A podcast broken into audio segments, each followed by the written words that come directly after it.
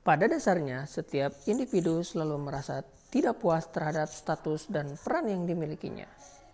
Itulah sebabnya, bila memungkinkan individu akan berupaya melakukan mobilitas ke lapisan sosial atas untuk memperoleh status sosial serta peran yang lebih terhormat. Namun, dalam proses mobilitas sosial tersebut tidak tertutup kemungkinan bahwa individu dapat pula jatuh ke lapisan sosial bawah. Hal yang harus diingat di sini adalah seseorang tak akan dapat berpindah ke posisi yang lebih baik jika memang tidak ada posisi yang diperuntukkan baginya. Selain itu, dalam rangka berpindah ke posisi yang lebih baik, setiap orang pun harus memiliki karakteristik dan kemampuan untuk memasuki status sosial tersebut.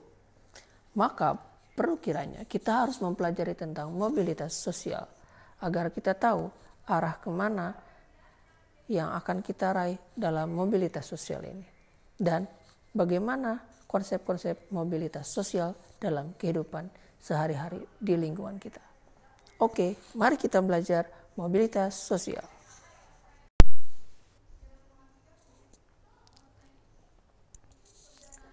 Pada dasarnya, setiap individu selalu merasa tidak puas terhadap status dan peran yang dimilikinya. Itulah sebabnya, bila memungkinkan individu akan berupaya melakukan mobilitas ke lapisan sosial atas untuk memperoleh status sosial serta peran yang lebih terhormat. Namun, dalam proses mobilitas sosial tersebut tidak tertutup kemungkinan bahwa individu dapat pula jatuh ke lapisan sosial bawah.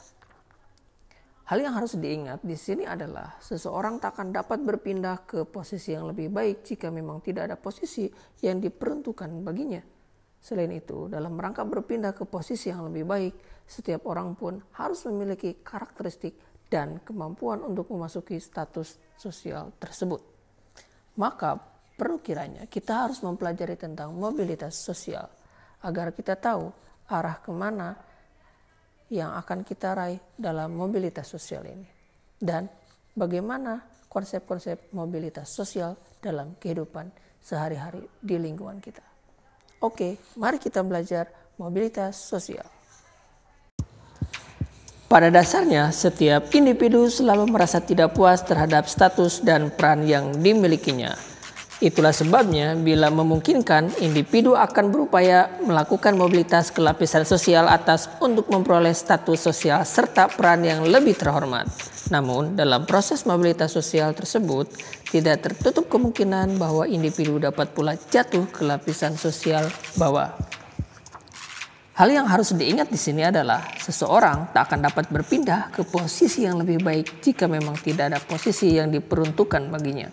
Selain itu, dalam rangka berpindah ke posisi yang lebih baik, setiap orang pun harus memiliki karakteristik Mobilitas dalam konsep sosiologi dipelajari untuk mengetahui bagaimana seseorang bisa berubah dari lapisan atas ke lapisan bawah ataupun sebaliknya dari lapisan bawah ke lapisan atas.